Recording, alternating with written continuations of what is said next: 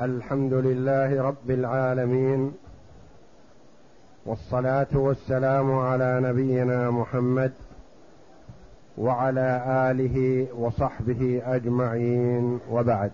بسم الله بسم الله الرحمن الرحيم والصلاة والسلام على أشرف الأنبياء والمرسلين نبينا محمد وعلى آله وصحبه أجمعين. قال المؤلف رحمه الله تعالى فصل. فإن كان الملتقط أمينا حرا مسلما أقر في يده لحديث عمر رضي الله عنه هذا الفصل في بيان صفة واجد اللقيط وآخذه. قد يكون أمينا حرا مسلما وقد يكون فاسقا حرا مسلما وقد يكون رقيقا وقد يكون كافرا. فما الحكم في كل حالة من هذه الحالات؟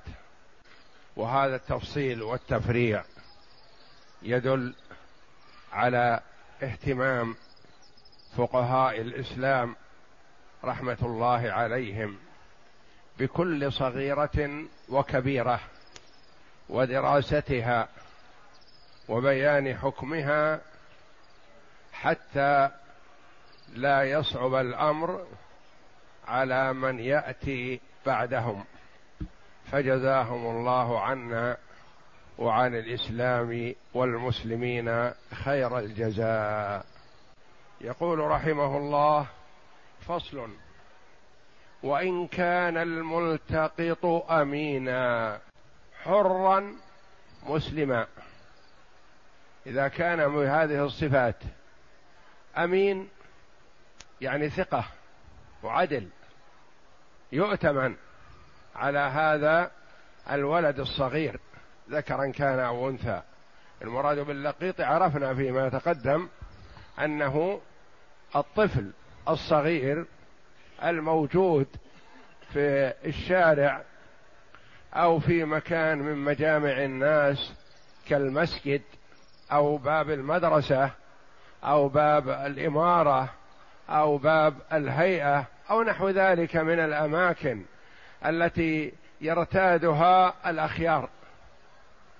فقد تكون أمه ولدته ليلا ولا تحب أن تظهر به فتهيئه وتجعله في مكان تأمن عليه ثم بعد ذلك تتابع خبره وتعلم عنه. والغالب أنه يكون ابن زنا. وابن الزنا لا إثم عليه ولا يضيره فسق وفجور أبويه. قد يكون صالحا تقيا إذا وفق لولي ينشئه نشأة صالحة أصبح عضوا نافعا عاملا في المجتمع ينفع الله به الآخرين ولا يضيره كونه ابن زنا. فإذا كان الملتقط امينا وش يخرج؟ الفاسق. الفاسق ليس بأمين. حرا ويخرج العبد لأن العبد ما له تصرف. الرقيق يتصرف به سيده.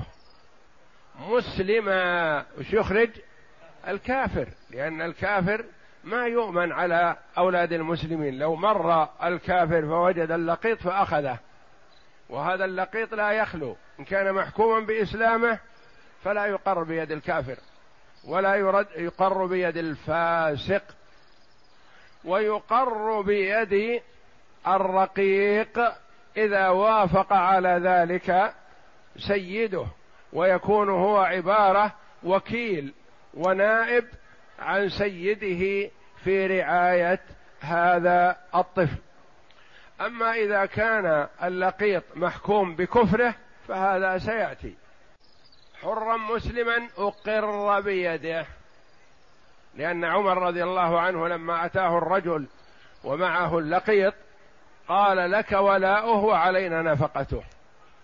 وأقره عليه أقره بيده لأنه أولى الناس به وما أخذه إلا وهو يرغب في ولايته وحضانته والقيام عليه. لحديث عمر رضي الله عنه السابق وقد تقدم لك ولاؤه يعني ولايته والقيام عليه وعلينا نفقته. وليس له ولاية إرثية يعني ما يرثه ولا ولاية محرمية ولا ولاية تزويج وإنما ولاية شأنه وماله. ما يعطى هذا اللقيط من بيت المال ومن صدقات المتبرعين والمحسنين وما يوهب من هبات ونحو ذلك يتولاها ولي هذا حتى يكبر فيسلمها إياه. وأما تزويجه فهو إذا كان أنثى فهو لولي الأمر أو من ينيبه. وولي الأمر في هذه البلاد أناب القضاة الشرعيين قضاة الشرع في تولي ذلك. ولأنه لا بد له من كافل. لأنه لا بد له من كافل ما يصلح أن يترك بدون أحد لأنه ما يستطيع أن يقوم بنفسه حتى ولو كان معه مال كما تقدم لأنه قد يوجد هذا اللقيط ومعه صر الذهب. ويوجد هذا اللقيط وحوله شيء له وقد يوجد هذا اللقيط في سيارة غالية الثمن موضوع فيها مفتوحة الأبواب حتى يعلم عنه والسيارة كله. وقد يوجد هذا اللقيط في دار مثلا يوضع في دار ويجعل وسائل يعلم عنه داخلها وتكون ملكه هذه الدار. وهكذا لأنه قد يتبرع له أو يعطيه مثلا تعطيه أمه أو آه، العاهر الذي زنى بأمه مثلا يعطيه شيئا من المال إظهارا للندم ولما حصل منه من إساءة وإلا فلا ينسب إليه الولد. ما ينسب للزاري أبدا. وإنما ينسب لأمة. والملتقط أحق للسبق وفي والملتقط أحق أحق للسبق. من هو سبق إلى مباح فهو أولى به ما دام متوفرة في شروط الصلاحية. لأنه قد يكون يسبق لكن ما يصلح فما يقر بيده. لكن سبق وهو صالح له مثل من سبق إلى طير أو سبق إلى آه، كمعة أو سبق إلى شيء مباح في البرية فهو أحق به ما يؤخذ من يده. وفي الإشهاد عليه وجهان. وفي الإشهاد عليه وجهان. أحدهما أنه ما يلزم الإشهاد لأن الرجل مؤتمن عليه. والثاني القول الثاني قالوا لا هذا أمره قد يخفى فيشهد عليه.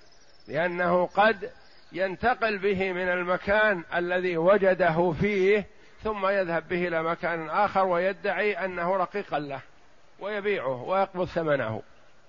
ومن يدري فالإشهاد أحوط في مثل هذه الأمور لأن الرجل قد يكون أمين ويطرأ عليه ما يطرأ والعياذ بالله من أكل حرام أو شبهة أو وقوع في مخالفات شرعية فيكون فاسق. فتتغير حاله بدل من كونه يعرف ان يعرف أن هذا لقيط بيده يذهب به إلى مكان آخر بعيد ويقول هذا رقيق وليس بلقيط. هذا رقيق. فيبيعه ويقبض ثمنه. فالإشهاد عليه في مثل هذا أولى. ثم إن الإشهاد يسبب إشاعة أمره حتى يعلم أنه ليس ابن لفلان. وإذا جاء أحد يدعي أنه ابنه من نكاح أو رق أو نحو ذلك فيكون آه، أحفظ لنسبه وأقرب لأن يعلم عنه.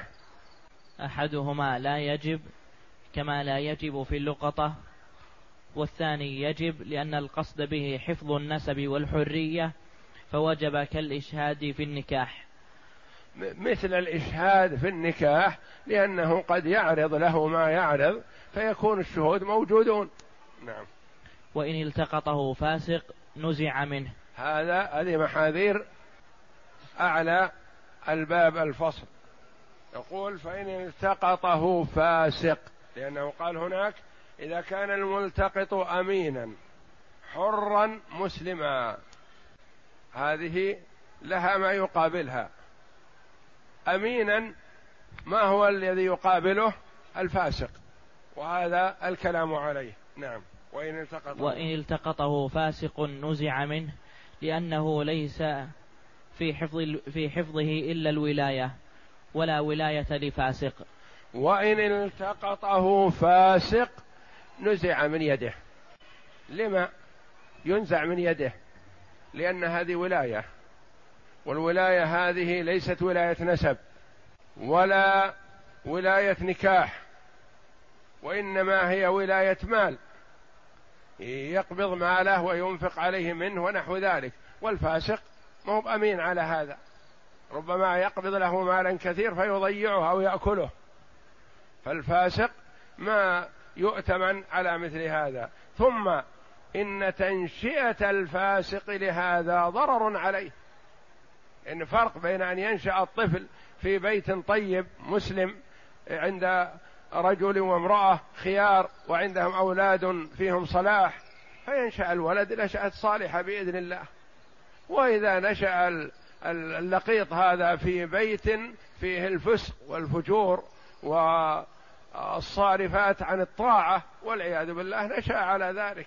كما قال القائل وينشأ ناشئ الفتيان منا على ما كان عوده أبوه.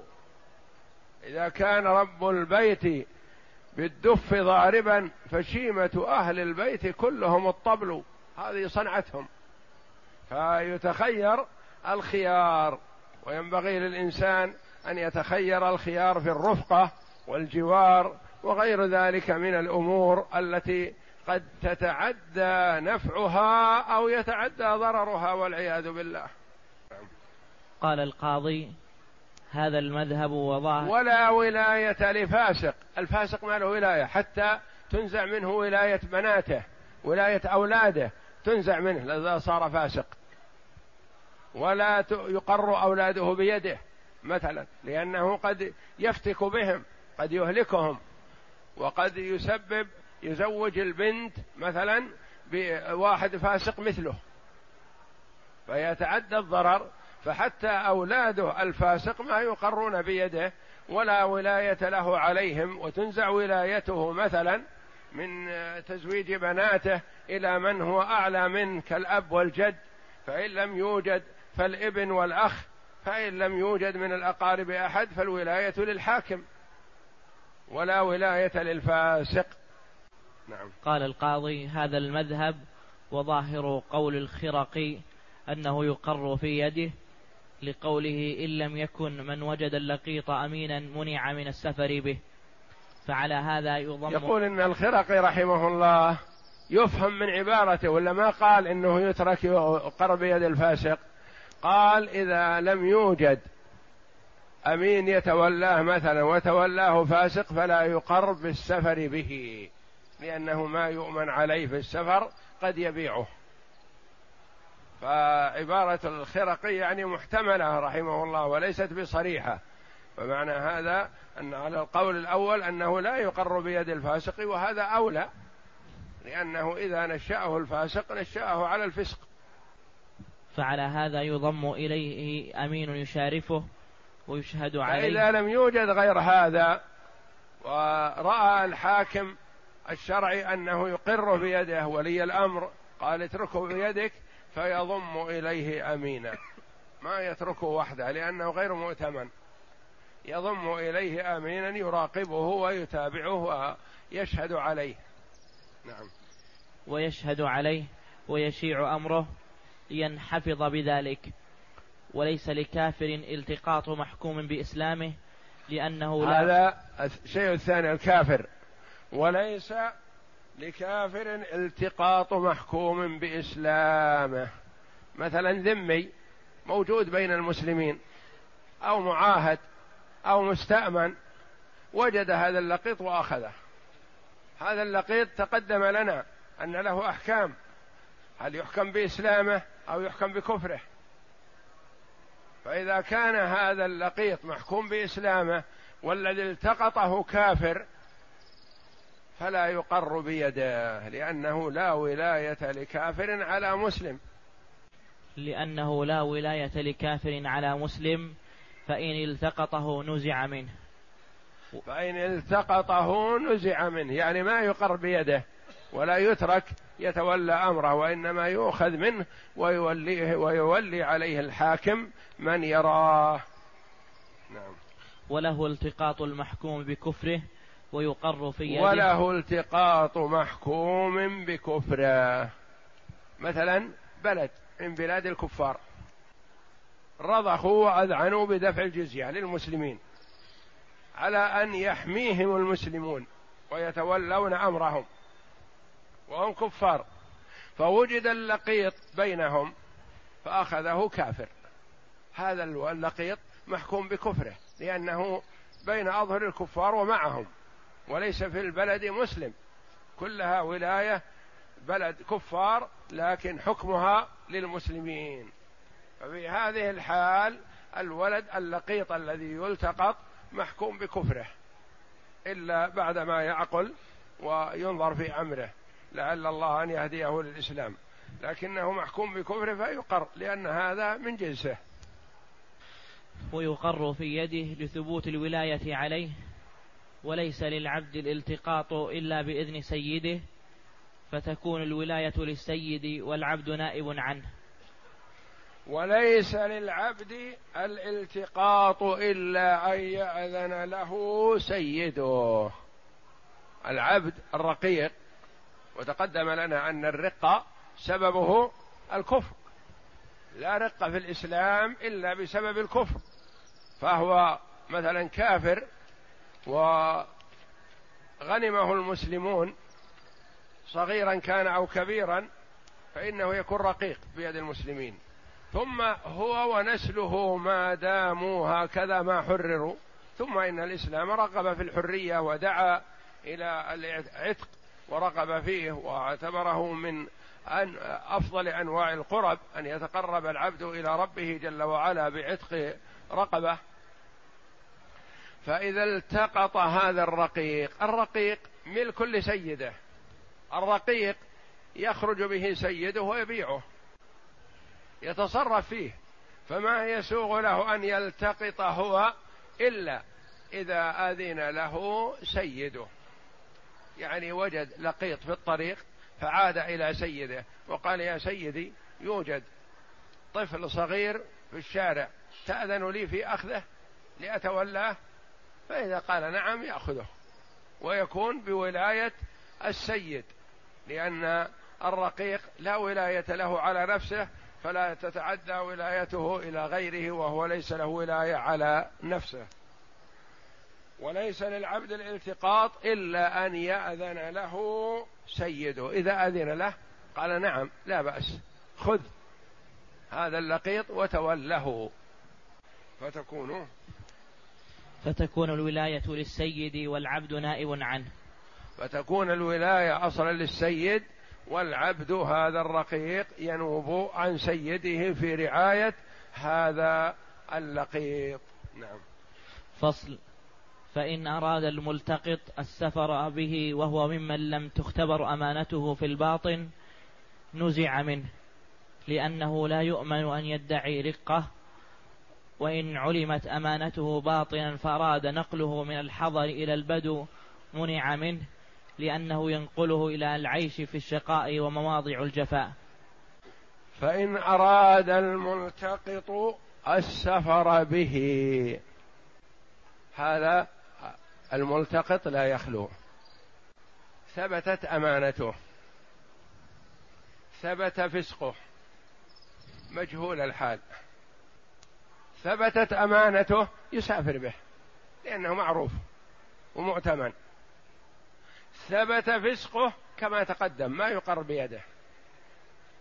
مجهول الحال ما يقر ما يقر بيده عند إرادة السفر. نقول أنت مقيم عندنا تتولى أمر هذا اللقيط لا بأس. لكن تسافر وحنا ما نعرفك ولا نعرف حالك ما يصلح.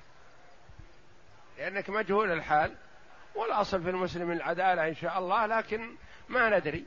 نخشى أنك تنقله مثلا من مكة ثم تذهب به إلى مكان آخر بعيد فبعد فترة أيام أو سنين أو كذا تدعي رقه وتبيعه. وهو طفل صغير ما يدري عن نفسه. فإذا كانت مختبرة أمانته يعني معروف يقر بيده ويسافر به ما شاء. بشرط أن لا يسافر به إلى البدو إلى الصحراء إلى الجفا إلى البادية مثلا. ما تعرف أمانته؟ يقال لا. ما دمت مقيم عندنا فالطفل عندك. لكن إذا أردت سفر سلمنا إياه. ما نقر بيدك. أمين وثقة. لكنه أراد أن ينتقل من المدينة إلى الصحراء. إلى البادية. نقول لا يا أخي ليس من مصلحة هذا اللقيط أن ينقل من المدينة إلى الصحراء والبادية لأن البادية أولا فيها الشقاء والتعب ثانيا فيها الجفا ما في علم ما في مدارس ما في كذا ما في تعليم ما في ثقافة فما يصلح أن تسافر به. يقول أنا ثقة وأسير به كما أسير بأولادي نقول وإن كان. هذا لك ولنا عليه ولاية. ما نقر بيدك أولادك بيدك ما دمت ترغب السفر فأنت حر فيهم. لكن بالنسبة لهذا اللقيط لا ما ليس مصلحته أن ينقل مثلا من مدينة إلى البادية.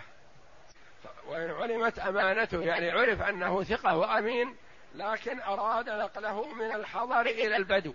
فنقول لا ما تنقله. لأنه ينقله إلى العيش في الشقاء ومواضع الجفاء لأن المدن أهدى وأريح وأقرب إلى العلم والثقافة والمعرفة. البادية ما يعرف إلا الغنم والإبل وهكذا. نعم. وإن أراد نقله إلى بلد آخر يقيم فيه ففيه وجهان.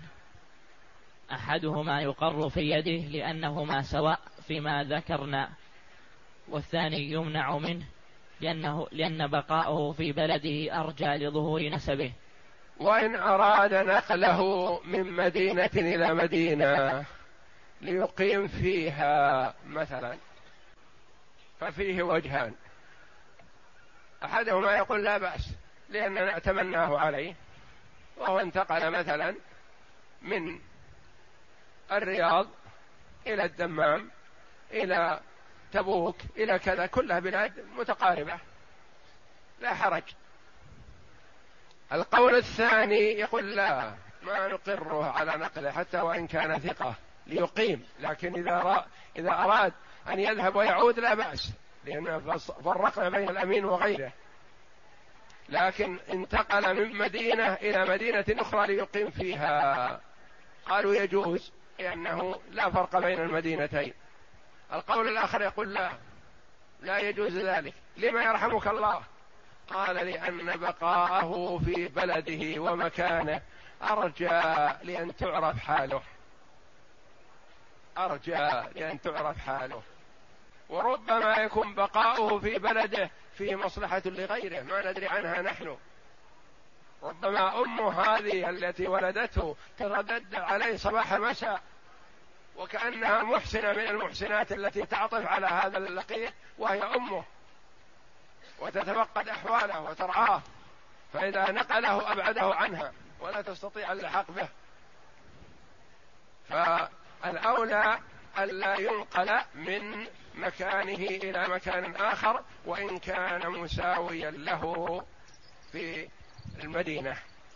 نعم. وإن كان اللقيط في بدو فله نقله إلى الحضر لأنه أرفق به. وله وإن كان اللقيط لقط في بادية فالتقطه اللاقط ورغب في أن ينقله من البادية إلى المدينة. نقول لا بأس بهذا بعد إشاعة خبره والعلم به لأن هذا في مصلحة اللقيط أن ينقل مثلا من البدو إلى المدينة ليتعلم ويستفيد. نعم. وله الإقامة به في بدو وفي حلة لا تنتقل عن مكانها لأن الحلة كالقرية وإن كان منتقلا ففيه وجهان وله الإقامة به في البدو الذي هو فيه ملتقط منه.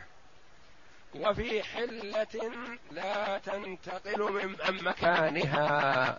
الحلة الحي أو الضاحية أو نحو ذلك يعني ليس في بدو ولا مدينة. هو التقطه من البدو ويريد أن ينقله إلى حلة. يعني قرية تابعة لهذه البادية أو قريبة منها أو قرية تابعة للمزارع. فنقول لا بأس لأنه نقله من الأدنى إلى الأحسن. لكن ما ينقله من المدينة إلى الحلة لأنها أقل فينقله من البدو يتولاه في البادية أو ينقله للمدينة ولا بأس أن ينقله إلى الحلة. والحلة عبارة عن الحي الذي يكون لا يطلق عليه اسم مدينة وليس ببادية. أحسن حال من البادية وليس كالمدينة لأن الحلة كالقرية وإن كان منتقلا ففيه وجهان أحدهما يقر في يده لأنه أرجى لكشف نسبه والثاني ينزع منه لأنه يشقى بالتنقل.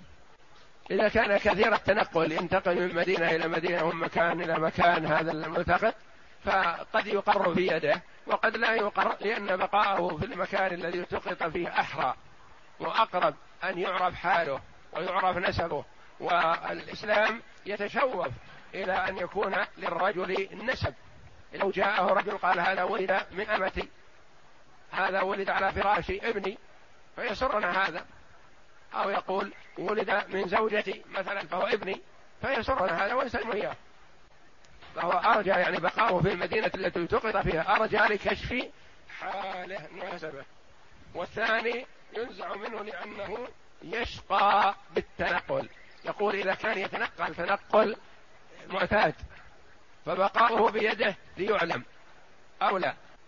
ونزعه منه وجعله في المدينة فقط. أرفق بحال الطفل هذا الملتقط. فهو بين خيارين والأمر كما قدم لنا إذا كان محل خلاف فيرجع فيه إلى الحاكم وحكم الحاكم يرفع الخلاف.